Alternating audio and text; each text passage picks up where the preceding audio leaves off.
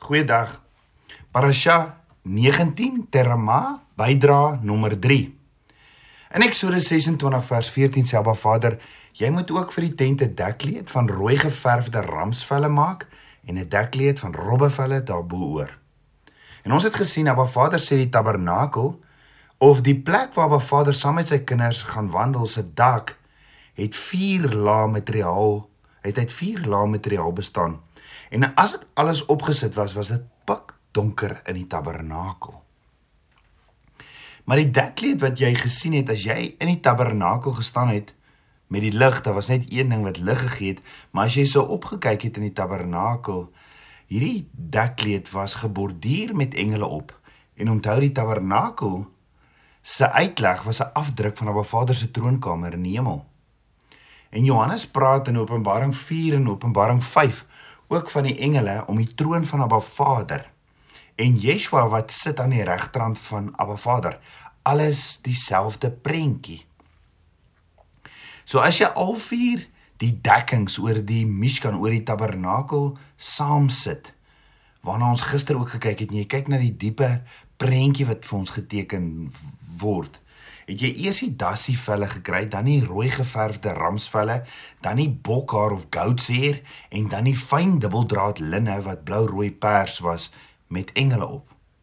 Nou al hierdie skets die volgende prentjie wat Abba Vader vir ons teken en daarom is dit belangrik om te kyk na die Hebreëus en ook te kyk na die betekenisse in Hebreëus want elke Hebreëse letter en elke ding wat Abba Vader doen skets hy vir ons 'n sekere prentjie. So kyk ons na hierdie vier klere bo die tabernakel. Was dit buite was dit swart gewees van die sonde van die wêreld. Dan die volgende een, toe was daar 'n bloedoffer. Wat die plaasvervanger was vir my en jou, wat die einde was van ons onvolledigheid. En Yeshua het vat toe ons sonde op hom want hy het sonde geword wat geen sonde gehad het nie. Hy word die skuip eh, die scapegoat om hierdie volheid wat 10 is te bring en kom klee ons in sy geregtigheid en dis net in die glorie van Abba Vader waar ons vryheid kan ervaar. Hoe amazing is dit? Net deur die die materiaal en die die dekkleed wat bo oor die tabernakel gesit het, die vier lae Paulus sê in 2 Korintiërs 5 vers 21 want hy het hom wat geen sonde geken het nie sonde vir ons gemaak sodat ons kan word geregtigheid van God in hom. In hierdie geregtigheid van Abba Vader kan ek en jy geklee wees in hom. En dan sê Abba Vader in Eksodus 25 as hulle getrek het moes hulle al die instrumente en die meubelstukke toemaak met die dassievelle baggerskien voor hulle die mishkan of die tabernakel afgeslaan het Anders was al hierdie meubelstukke onder sonder enige bedekking. So as Abba Vader byvoorbeeld sê maak die menorah toe met wit lap, dan het hulle hom toegemaak met die wit lap en dan het hulle hierdie dassie vir hulle hierdie baggerskien oor dit gesit. Die buitenste bedekking was hierdie dassie velle en dan as hulle dit gedra het en neergesit het weer in die tabernakel was dit alles in die vorm of patroon van 'n kruis. Dis waar hulle hierdie instrumente, alles in die vorm van 'n kruis. Ja, maar Vader sê, bou die tabernakel en sit die meubels neer soos in die patroon wat ek gegee het. En hierdie hele patroon was die kruis. In elkeen van hierdie meubels in die tabernakel is daar 'n prentjie van Yeshua en hoe hy dit kom vervul het. En dis hierdie pad wat ek wat ek en jy stap om in hierdie verbondsverhouding met Abba Vader in te gaan en saam met hom te wandel in intimiteit. Dan sê Jesaja in Jesaja 61 vers 10: Ek is baie bly in die Here, my siel juig aan my God, want hy het my beklee met die klere van heil, my in die mantel van geregtigheid gewikkel, soos 'n bruidegom wat priesterlik die hoof versiersel ombind en soos 'n bruid wat haar versier met haar juwele. Die King James sê he has clothed me with the garments of salvation. En ons weet die Hebreëse woord vir salvation is Yeshua. Met ander woorde, hy het my geklee met klere van Yeshua en as gevolg van dit gee hy vir my 'n mantel van geregtigheid. Die Hebreëus vir juwele is keju wat beteken die instrument the instruments of peace in the tabernacle. Met ander woorde die meubelstukke in die tabernakel word deel van die bruid. Byvoorbeeld die menorah wat die woord is word deel van my en jou, die bruid. Dan ook byvoorbeeld die verbondsark. Maar Vader se woord sal geskryf word op die tafels van my hart. Hy sal my voorsiener wees en ek sal hierdie autoriteit hê in hom as gevolg van hierdie staf van Aaron. En dis waarmee Yeshua die bruid beklee. In die mantel van geregtigheid en dit is wat die bruid kan ervaar as gevolg van die bloed van die lam van Yeshua. En dan sê Psalm 63 vers 7 want u was 'n hulp vir my en in die skaduwee van u vleuels sal ek jubel. Nou as gevolg van Yeshua se bloed kan ek in hierdie teenwoordigheid wees van Abba Vader en in die skaduwee van sy vleuels sal ek jubel. Psalm 91 vers 1 sê hy wat in die skuilplek van die Allerhoogste sit sal vernag in die skaduwee van die Almagtige. En dis alles 'n prentjie van die tabernakel. Ja, Psalm 91 vers 2 sê ek sal tot die Here sê my toevlug en my bergvesting, my God op wie ek vertrou want hy is dit wat jou sal red uit die net van die voëlvanger van die verderflike pes. Hy sal jou dek met sy vlerke en onder sy vleuels sal jy skuil. Sy trou is 'n skild en panser. So Abba Vader sê verder dan ook in Eksodus 26 vers 31 tot 33. Verder moet jy 'n voorhangsel maak van pers en piperrooi en bloedrooi stowwe en fyn dubbeldraad linne. As kunstige werk moet jy dit maak met grips. En jy moet die ophang aan vier pilare van akasiëhout wat met goud oorgetrek is en ook kramme van goud het en op vier silwer voetstukke staan. En jy moet die voorhangsel onder die hakkies ophang en bring die ark van die getuienis daar binnekant die voorhangsel. En die voorhangsel moet vir julle 'n skeiding maak tussen die heilige en die allerheiligste. Jy sien die voorhangsel is dit wat die heilige van die allerheiligste geskei het. Let wel, Abba Vader se woord leer ons daar was 3 ingange. Of daar was 3 openings die tabernakel in die tabernakel waardeur die priesters moes beweeg. En die eerste een is in Eksodus 27 vers 16 wat genoem is the way wat die skeiding bring tussen die mense wat aan die buitekant geleef het en die wat Abba Vader wou soek in intimiteit. Ons weet die 12 stamme, die bruid het reg rondom die tabernakel gebly. Maar as hulle die tabernakel wou ingaan, moes hulle by the way ingegaan het, want daar was 'n daar was 'n heining reg rondom, 'n wit heining reg rondom.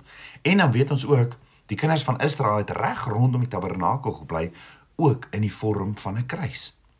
Dan die tweede ingang was die ingang van die die die tentgedeelte, die tabernakel, die Mishkan homself.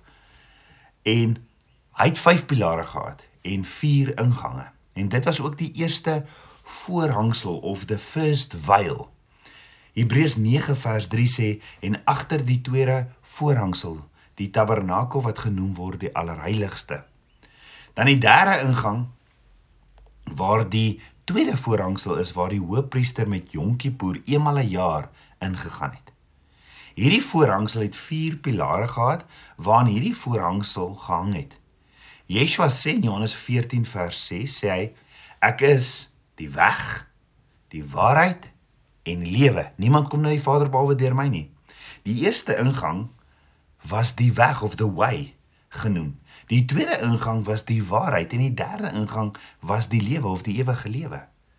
So die hele tabernakel is 'n prentjie van 'n Vader se verlossingsplan, Yeshua. So ek kan net dink hoe daai disippels vir Yeshua gekyk toe hy sê ek is die weg, die waarheid en die lewe. En hulle het tabernakel geken. Hulle was geleer, hulle het hulle het hulle hulle sou dit geleer het dat die dat die daar's die weg, die waarheid en die lewe. En toe Yeshua dit sê, toe verstaan hulle dat die tabernakel is 'n prentjie van Abba Vader se verlossingsplan. Yeshua. Die Hebreëse woord vir voorhangsel is die woordjie poroketh wat beteken in separation to break apart to separate to sever to to fracture Met ander woorde, dis hierdie skeiding en ons weet dat sonde het hierdie skeiding gebring tussen ons en Abba Vader, maar na die voorhangsel geskeur het met Yeshua se kruisiging, kan ons ingang as gevolg van die bloed van die lam. En hierdie voorhangsel beteken dis hierdie skeide skeiding tussen twee dinge wat vir mekaar gehou word wat van mekaar afgehou word. Die eerste ingang was die skeiding tussen die mens wat buite was en die wat wou inkom. Die tweede ingang was die skeiding tussen die volk en die priesters. Net die priesters kon die tentgedeelte, die Mishkan, ingaan. Die derde ingang was die skeiding tussen die priesters en die hoëpriester. Nou as ons kyk na die voorhangsel wat Yeshua verteenwoordig wat geskeur het, daardie lewe, daardie uh, voorhangsel wat genoem word die lewe agter die goue altaar wat wat ook Yeshua verteenwoordig wat wat geskeur het weet ons hy het geskeur sodat ek en jy saam met Abba Vader kan wandel. En deur die bloed van die lam kan ons Abba Vader nader. Jakobus 4 vers 8 sê: "Nader tot God en hy sal tot jou nader. Reinig die hande julle sondaars en suiwer die harte julle dubbelhartiges." So die voorhangsel is geskeur en Yeshua sê in Johannes 14 vers 6: "Ek is die weg, die waarheid en die lewe en niemand kom na die Vader behalwe deur my nie." So Yeshua se liggaam is die voorhangsel en hy het die weg oopgemaak sodat ek en jy daardie intimiteitsverhouding met Abba Vader kan hê. Dis nie meer nodig om een keer 'n jaar die allerheiligste in te gaan nie. ek en jy kan elke dag.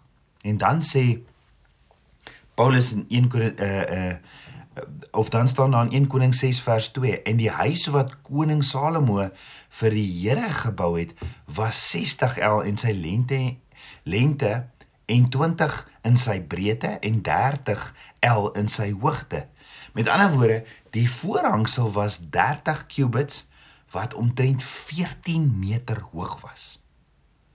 Let wel, die tweede tempel is vergroot, maar nêrens gee die woord vir ons 'n aanduiding van met hoeveel die voorhangsel vergroot is nie. En daar's mense wat sê die voorhangsels is vergroot na omtrent 18 meter toe. Die voorhangsel was 9 meter breed en tussen 14 en 18 meter hoog en hoor gehou 10 cm dik. So dik soos 'n ou se palm. Dan sê Abba Vader se woord, die voor voorhangsel was van bo na onder geskeur.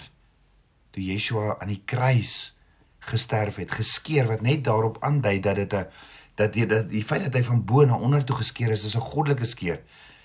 Uh wat in Matteus 27 vers 51 sê en kyk die voorhangsel van die tempel het in twee geskeur van bo tot onder en die aarde het gebewe en die rots het geskeur. So die voorhangsel het hierdie skeiding gebring tussen die heilige en die allerheiligste.